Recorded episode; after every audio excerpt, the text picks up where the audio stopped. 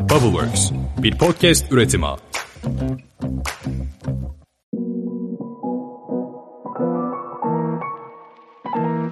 Merhabalar herkese, benim ismim Belen ve Start Point'e hoş geldiniz. Bugün biraz daha hiç girişim fikri olmayanlar ama girişimci olmak isteyenler için nasıl fikir bulunur, fikre nasıl karar verilir bunlardan bahsedeceğim. Start Point'i ilk defa dinliyorsanız burada girişimcilik, gençler nasıl girişimci olabilir ve ben neler yaptım kendi tecrübelerimi paylaşıyor olacağım. Umarım dinlerken keyif alırsın. Ve Start Point'i destek olan Bubbleworks'e çok teşekkür ederim.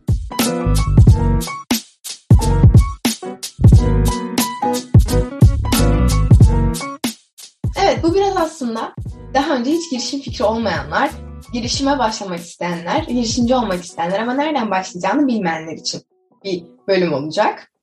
İlk başta böyle girişimcilerin girişim fikrine başlamadan önceki en büyük yanılgıları daha önce piyasada hiç olmayan harika bir keşif yapmalıyım gibi geliyor onlara. Yani bana da öyleydi. Hayır ben bir girişime başlayacaksam daha önce hiç piyasada olmayan bir şey yapmalıyım gibi geliyordu. Bu aslında çok büyük bir yanılgı. Ya aslında bu bir roket bilimi değil. Gerçekten uzaya roket göndermiyoruz. O yüzden fikrin tamamen özgün bir şey olmasına gerek yok. Çok fazla başarılı girişim var. Çok fazla yurt dışında tutmuş girişimleri Türkiye'ye getirip çok başarılı olmuş girişimler var. Bunun en büyük örneği Trendyol. Trendyol aslında çok özgün bir fikir değildi. Demet Futlu'nun yurt dışında görüp Türkiye'ye uyarlayabildiği bir girişimde. Ve aynı şekilde hepsi burada. Yurt dışında çok başarılı olarak gördüğü eBay'i gelip Türkiye pazarına implement ettiler. Gelip Türkiye pazarına yönelik bir oluşum haline getirdiler ve daha sonrasında eBay'e sattılar. Bunun çok başarılı exit örnekleri olduklarını da görebilirsiniz. Şöyle bir şey söyleyebilirim. Hani eBay'in kurucusu da diyordu aynı zamanda. Yurt dışında çok başarılı olarak gördüğün şeyi birebir getirip Türkiye'de uygulayamazsın. Türkiye pazarına çok hakim olman gerekiyor. Yurt dışı pazarı ve Türkiye pazarındaki farkları çok iyi görüp Türkiye pazarına girişimini uygulanabilir hale getirmen gerekiyor. Asıl başarı zaten asıl fark yaratan kısım burada. Daha adını duymadığımız belki piyasaya çıkıp ilk haftasında batan, ilk yılında batan birçok e-ticaret girişimi var. Önemli olan senin farkını ortaya koyabilmen. Demem o ki fikrinin özgün olmasına kesinlikle gerek yok ama kendi farkını ortaya koyabilmelisin. Fikir bulacağım diye kendini zorlamana hiç gerek yok. Yurt dışında çok başarılı gördüğün bir şeyi Türkiye'ye getirebilirsin. Ve fikir bulma konusunda insanlar çok fazla zorluk çektiğini gördüm. Bana da çok fazla soru geliyor DM'den. Abla nasıl fikir bulacağım, nasıl fikir bulalım, sen nasıl fikir buldun gibi. Aslında burada fikre çok fazla odaklanmamak gerekiyor. Bence buradaki en büyük ayraç bu. Girişimcilik ekosisteminde bilinen bir söz var. Fikre değil aslında probleme odaklan diye. Fikre odaklanmak bizi çok fazla yanıltabilir en başlarda. Problemi göremez hale gelirsin. Problemi göremediğin halde nasıl çözüm bulacağını da göremez hale gelirsin. Biraz daha böyle alt gözlüğüyle bakmak gibi diyebiliriz aslında biz buna. O nedenle fikre değil ilk başta probleme odaklanmak, problemden başlamak gerekir. Bu problem nedir peki? Diye soracak olursanız problem senin yaşadığın, çevrende ailenin yaşadığı, arkadaşlarının yaşadığı, senin yakın çevrenle alakalı olmayabilir. Dışarı çıkıp gözlem yaptığında gördüğün bir problemi de çözmeye çalışabilirsin. Mesela bir örnek vereyim Campy'de. Campy'yi bilmiyorsanız Campy benim girişim, benim ve ortaklarımın girişimi. Burada kamp alanlarına rezervasyon yapabileceğiniz bir web sitesi kuruyoruz. Campy'deki en büyük örnek burada şuydu. Ben ve ortaklarım temizlik ve güvenlik konusunda sıkıntı çektiğimiz için kamp yapmaktan çekiniyorduk. Bir ortağımız da aynı şekilde kamp alanlarına rezervasyonda sıkıntı çekiyordu. Biz bütün bu problemleri birleştirip Campy fikrini oluşturmaya çalıştık. Yani demem o ki piyasadaki kendi yaşadığınız, kendi çevrenizin yaşadığı sıkıntıları, problemleri gözlemleyerek fikre gitmek daha önemli burada. Özet olarak fikre değil, çevrende gördüğün problemleri ve o problemleri çözmeye odaklan. Daha sonra fikir kendiliğinden zaten geliyor. Ve burada işini kolaylaştıracak olan şeylerden biri de çevrendeki sıkıntıları görmeye odaklan. Çevrendeki sıkıntıları görmeye açık ol. Hep ben bunu nasıl çözebilirim? Aa burada bir sıkıntı varmış. Benim en mesela hatırladığım lisede bir kamyon yükleme sıkıntısı görmüştüm ve yani ona yönelik bir fikir geliştirmiştim. Bu bile çok basit bir örnek. Yani lisedeki bir öğrenci için de çok basit bir örnek. Kamyonu nasıl daha optimize bir şekilde yüklersiniz? Şu an benim endüstri mühendisliğinde yaptığım bitirme projesi de bununla çok alakalı bir proje yani. O yüzden problemler çevremizde hep var. Siz yeter ki görmeyi bilebilin. Tamam şimdi problemi gördük diyelim ki. Bunu nasıl çözeriz? Biraz daha buna odaklanmamız lazım. Çözüm yolu zaten çok unik, çok kişisel bir çözüm yolu olur büyük ihtimalle. Aslında çoğu girişimde birbirinden ayıran, rakip firmaları da birbirinden ayıran şey bu. Hepsinin aynı çözüm yolu yok. Hepsi farklı çözüm yollarına odaklanıyorlar. Bir rakibinle aynı çözüm yoluna odaklanırsan senin burada çok büyük bir rekabet avantajı olmaz.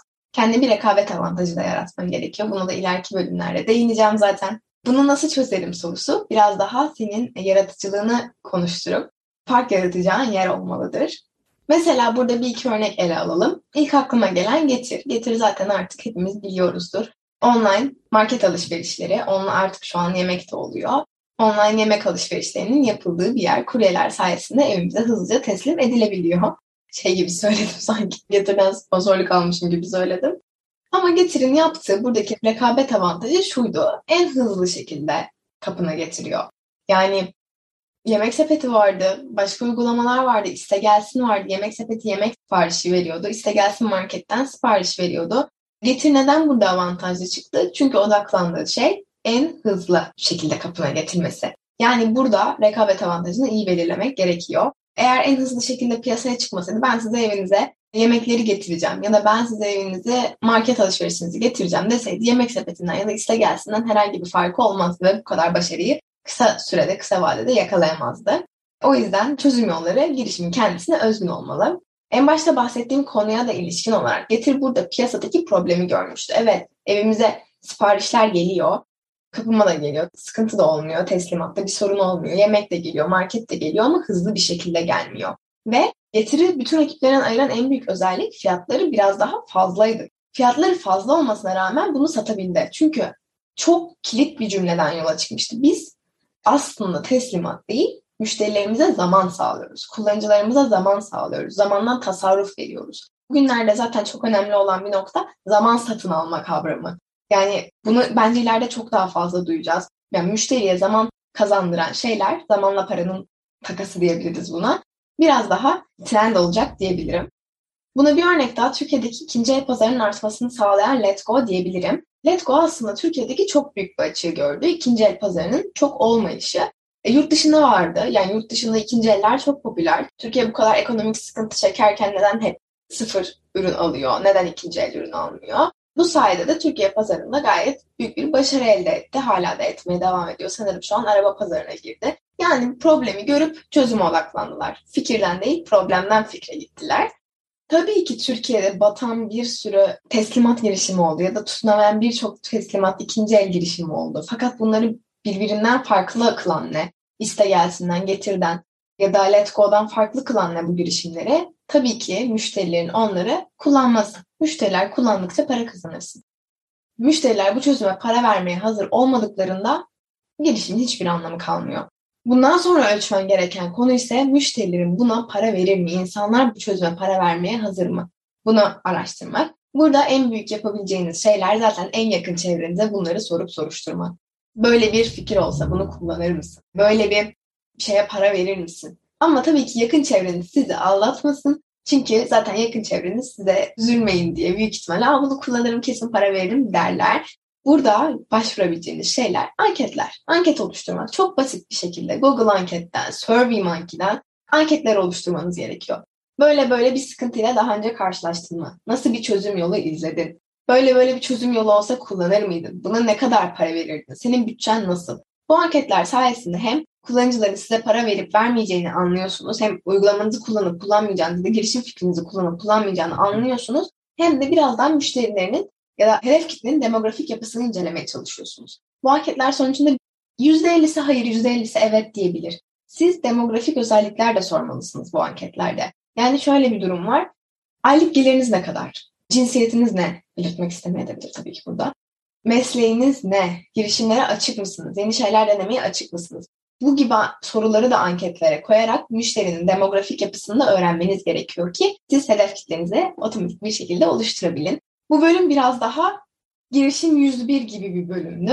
Sonra burada bahsettiğim her konuyu detaylı olarak bunun devamındaki bölümlerde de zaten anlatacağım. Çok detaylı olarak anket nasıl yapılır, müşteri görüşmesi nasıl yapılır, hedef kitle nasıl belirlenilir, MVP nasıl yapılır gibi. O yüzden bunu bir başlangıç noktası yani start point olarak kabul edin. Özetlemek gerekirse bahsettiklerimi evet yakın çevreniz sizden bir şeyler alıp kullanmak isteyeceklerdir. Siz üzülmeyin diye bunu söyleyeceklerdir ama anketlerle daha doğru sonuçlara, sizi daha memnun edecek sonuçlara ulaşabilirsiniz ki eğer bir girişim fikrini tutmayacağı varsa da hiçbir şeye başlamadan daha bu kadar küçük bir çabayla o girişim fikrinden vazgeçin. Eğer göz göre göre ona devam ediyorsanız sonrasında üzülen siz olabilirsiniz. Ya da doğru pazar burası olmayabilir. Biraz daha yurt dışına bakılabilir. Fikir bulma yolculuğunda benim işimi kolaylaştıran birkaç örnek vermek istiyorum. Şimdi size ki kafanızda biraz daha rahat canlansın.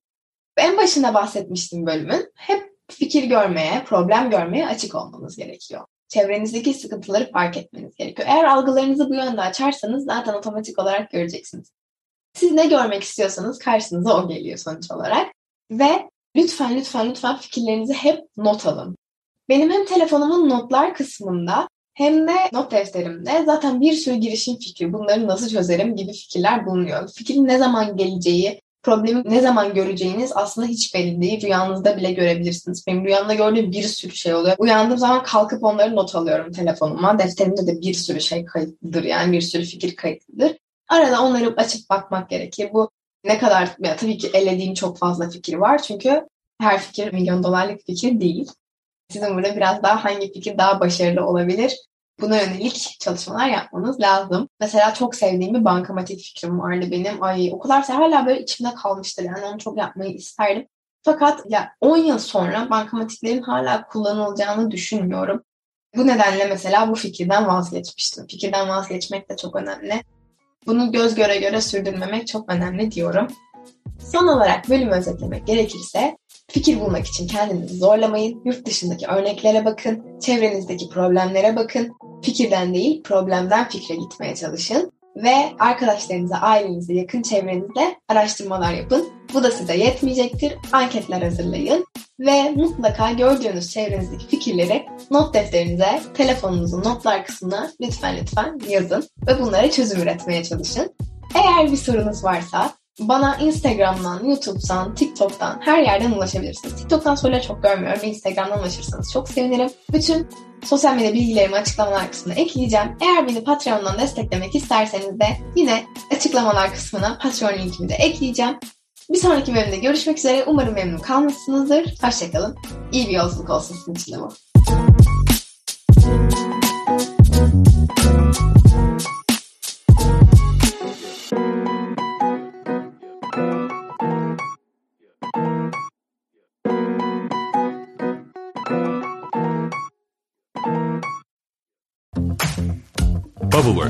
Bir podcast üretimi.